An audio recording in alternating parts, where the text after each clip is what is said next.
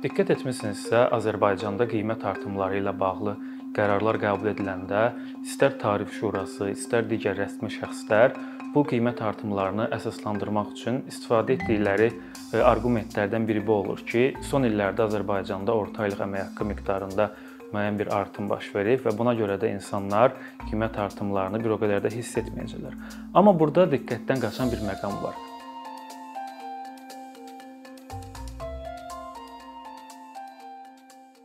Məsələn, rəsmi statistikaya görə Azərbaycanda iqtisadi fəal əhalinin təxminən 30%-i muzdla işləyir, yəni aylıq maaş alır.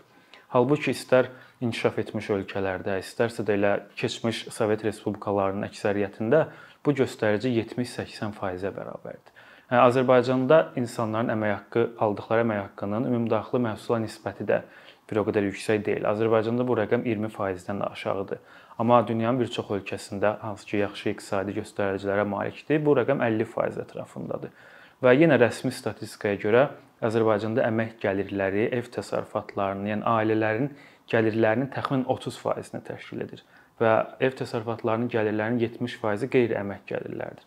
Amma belə olan halda biz nə edirik? Hər 10 nəfərdən 3-ünün əmək haqqısındakı müəyyən artımı artımı biz bütün ölkəyə tətbiq etdiyimiz qiymət artımlarına qarşı qoyuruq. Və xüsusilə mən bunu qeyd etmək istəyirəm ki, iqtisadi göstəricilərin, xüsusilə orta aylıq əmək haqqı, işsizlik, e, minimum əmək haqqı, minimum istehlak səbəbi bu tip iqtisadi göstəricilərin doğru iqtisadi qərarların alınmasında və effektiv iqtisadi siyasət mexanizmlərinin formalaşmasında çox vacib rolu var. Yəni bizim malik olduğumuz datalar, bizim rəsmi statistik göstəricilərimiz reallığı əks etdirmirsə, və real vəziyyəti göstərmirsə, bizim tətbiq etdiyimiz siyasət mexanizmlərinin də uğurlu olmaq şansı yoxdur. Ona görə də biz əgər uğurlu iqtisadi qərarlar qəbul etmək istəyiriksə, ilk növbədə real statistik rəqəmlərə çıxışımız olmalıdır və bu rəqəmlərlə üzləşməliyik. Məsələn, Azərbaycanda hazırda məşğul əhalinin təxminən 3də 1-i kənd təsərrüfatı ilə bağlı məşğul olur. Söhbət təxminən 1.7 milyon adamdan gedir. Və amma ölkədə məşğul əhalinin 3də 1-i kənd təsərrüfatı ilə məşğul olsa da, kənd təsərrüfatının ümumdaxili məhsulda payı cəmi 5%-dir. Niyə? Məsələn, Azərbaycan qanunlarına görə pay torpağı varsa bir şəxsin, o insan işsiz hesab edilmir. Amma rəsmi statistika bunu göstərmir ki, həmin insanların nə qədəri doğrudan da bu torpağı istifadə edir yoxsa yox. Və yaxud bəzi hallarda onlara verilən pay torpağının həcmi o qədər kiçik olur ki, həmin insanlar o torpaqdan istifadə etsələr belə öz minimum ehtiyaclarını qarşılaya bilməzlər. Məsələn, belə bir məqam qadınlarla bağlı var. Rəsmi statistikaya görə Azərbaycanda təxminən 650 min evdar qadın var. Amma biz bilmirik ki, bu qadınların nə qədər hissəsi doğrudan da öz istəyi ilə evdə evdar qadındır, yoxsa iş tapa bilmədiyi üçün məcbur olaraq evdə oturur. Və bu 650 min qadını da biz işsiz hesab etmirik. Yəni, yəni tək işləyənlər yox, işləməyənlərlə bağlı da statistik göstəricilərdə bəzi qəribə məqamlar var. Biz bunu xüsusilə pandemiya başlayanda hiss etdik. Çünki bir çox e, insanın işi dayanmışdı və hökumət də müəyyən dəstək paketləri həyata keçirməyə çalışırdı. 2019-cu e, ildə pandemiyadan əvvəl Azərbaycanda işsizlik göstəricisi 5%-dən aşağı idi. Və bu 1 il ərzində işsizlərin sayı Azərbaycanda 50% artdı. Yəni pandemiyadan öncə Azərbaycanda təxminən 250 min işsiz var idi rəsmi rəqəmlərə görə. İlin sonunda bu 376 minə yüksəldi, amma hələ də işsizlərin Azərbaycanda çəkisi xüsusi çəkisi 7%-ə bərabərdir. Amma məsələn digər alternativ hesablamalar bu rəqəmi şübhə altında qoyur. Məsələn Azərbaycan qanunlarına görə uşaq dünyaya gəldiyi zaman ona onun valideynlərinə birdəfəlik sosial müavinət ödənilir. Və qanunvericiliyə görə əgər doğulan uşağın hə, e, valideynlərinin hər hansı birinin rəsmi gəliri varsa, yəni rəsmi əmək haqqı alırsa, həmin o müavinət Dövlət Sosial Müdafiə Fondu tərəfindən ödənilir.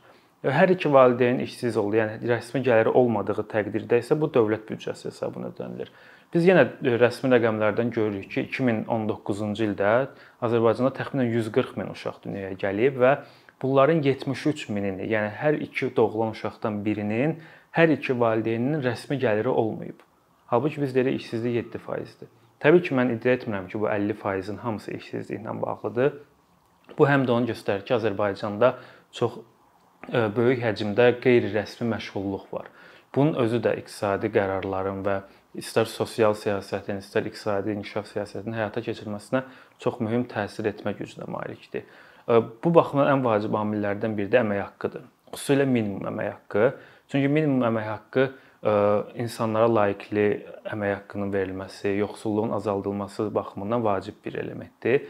Və ilk dəfə bu il Azərbaycanda median əmək haqqı açıqlandı. Bizdə hər zaman orta aylıq əmək haqqını ictimaiyyətə açıqlayırdılar. Bu dəfə median əmək haqqı açıqlandı və məlum oldu ki, Azərbaycanda median əmək haqqı 343 manata bərabərdir. Bu nə deməkdir? Yəni median əmək haqqı ölkədə ən yüksək əmək haqqıdan ən aşağı əmək haqqıya qədər olan sıralamada ən ortada yerləşən əmək haqqıdır və hazırda ölkədə 1 milyon 700 minə yaxın insan əmək haqqı alır. Bu deməkdir ki, onlardan 850 mininin rəsmi əmək haqqısı 343 manatdan aşağıdır. Və bizdə də hazırda minimum əmək haqqı miqdarı 250 manatdır. Yəni bu onu göstərir ki, minimum əmək haqqının ədalətli şəkildə təmin edilməsi ölkədə muzla çalışan işçilərin ən az yarısının rifahına birbaşa təsir imkanlarına malikdir. Digər tərəfdən Azərbaycanda minimum əmək haqqı sistemi ilə bağlı diqqət çəkən bir məqam budur ki, əksər ölkələrdə minimum əmək haqqının hesablanması iştirakçılığın təmin edildiyi bir şəraitdə olur. Yəni burada həm işə götürənlərin təmsilçiləri iştirak edir, həm həmkarlar ittifaqları işçilərin hüquqlarını müdafiə edir, həm hökumət öz təkliflərini verir və bəzi ölkələrdə bu parlament müzakirələri nəticəsində qəbul olunur. Amma Azərbaycanda bunu biz görmürük. Bu sadəcə bir sərəncamla müəyyən edilir. Ona görə mən düşünürəm ki, minimum əmək haqqının e, daha iştirakçılığın daha çox təmin edildiyi bir sistemdə e, tətbiq edilməsi Azərbaycan üçün daha yaxşı nəticələrə səbəb ola bilər. E, digər bir məsələ də ona ibarətdir ki, Azərbaycanda regionlar və iqtisadiyyatın sahələri üzrə minimum əmək haqqı fərqlənmir. Məsələn, hazırda Bakı şəhərində rəsmi rəqəmlərə görə orta aylıq əmək haqqı təxminən 930 manata bərabərdir. Amma ölkənin əksər rayon və şəhərlərində bu göstərici Bakıdan 2, bəzən 3 dəfəyə qədər aşağıdır.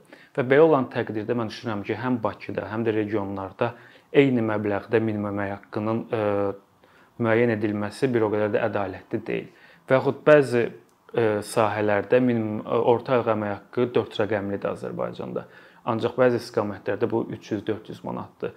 Bu bu məqam da minimum əmək haqqının həm də sektorlar üzrə bölgüsünün əhəmiyyətini göstərir və minimum əmək haqqı ilə bağlı qeyd etmək istədiyim bir məqam da odur ki, 2000-ci illərin ortalarında Azərbaycan Avropa Sosial Xartiyasına qoşulmuşdu və bunun üzərindən təxminən 15 ildən çox bir vaxt keçib və həmin vaxt Azərbaycan öz üzərinə götürdüyü öhdəliklərdən biri minimum əmək haqqının orta aylıq əmək haqqının 60%-nə çatdırılması ilə bağlıdır. Yəni hazırda Azərbaycanda orta aylıq əmək haqqı 713 manatdır və Azərbaycan hökuməti bu öhdəliyini yerinə yetirsə, hazırda Azərbaycanda minimum əmək haqqı təxminən 430 manatda olmalı idi. Yəni orta aylıq əmək haqqının 60%, amma hazırda bu göstərici 35%-ə bərabərdir, yəni təxminən 2 dəfə azdır. Əmək haqqı sistemi ilə yanaşı mən düşünürəm ki, minimum hədlərin, xüsusilə minimum istehlak səbətinin çox ədalətli şəkildə müəyyən edilməsi lazımdır.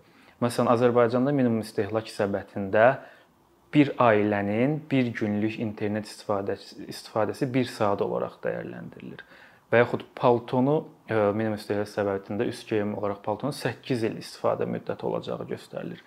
Amma bunun nə qədər reallığa uyğun olub-olmadığı şübhəlidir mənim üçün və məncə bütün ictimaiyyət üçün.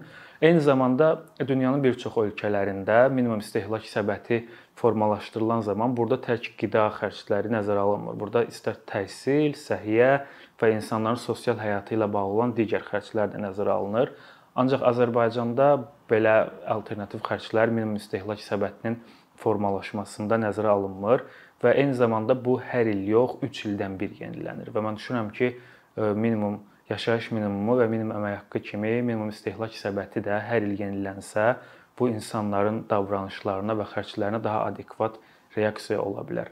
Yəni istənilən halda ümumiləşdirsək, bildirmək istəyirəm ki, uğurlu iqtisadi qərarlar qəbul etmək üçün, uğurlu iqtisadi siyasət mexanizmləri formalaşdırmaq üçün bizə lazım olan ən vacib amil reallığı əks etdirən statistik məlumatlardır. Çünki bu rəqəmlər reallığı əks etdirmədiyi təqdirdə bizim həyata keçirəcəyimiz addımların da effektivliyi şübhə altına düşür. Ona görə də mən düşünürəm ki, iqtisadiyyatla bağlı hazırda atılmalı olan əsas amillərdən biri məhz bu real rəqəmlərlə üzləşmək və iqtisadi siyasətimizi məhz reallığı əks etdirən statistikanın üzərində qurmaqdan ibarətdir. Əkinçinin yeni videoları haqqında məlumatlı olmaq üçün kanalımıza abunə olmağı və xəbərdarlıq funksiyasını aktivləşdirməyi unutmayın. İmkandan istifadə edərək cari patronlarımıza işlərimizi davam etməyə yardım olduqları üçün dərin təşəkkürümüzü bildiririk. Əkinçinin Patreon icmasının üzvü olaraq siz bizim təşəbbüsə dəstək göstərməklə bərabər hazırladığımız materialları hər kəsdən öncə izləmə imkanı əldə edəcəksiniz.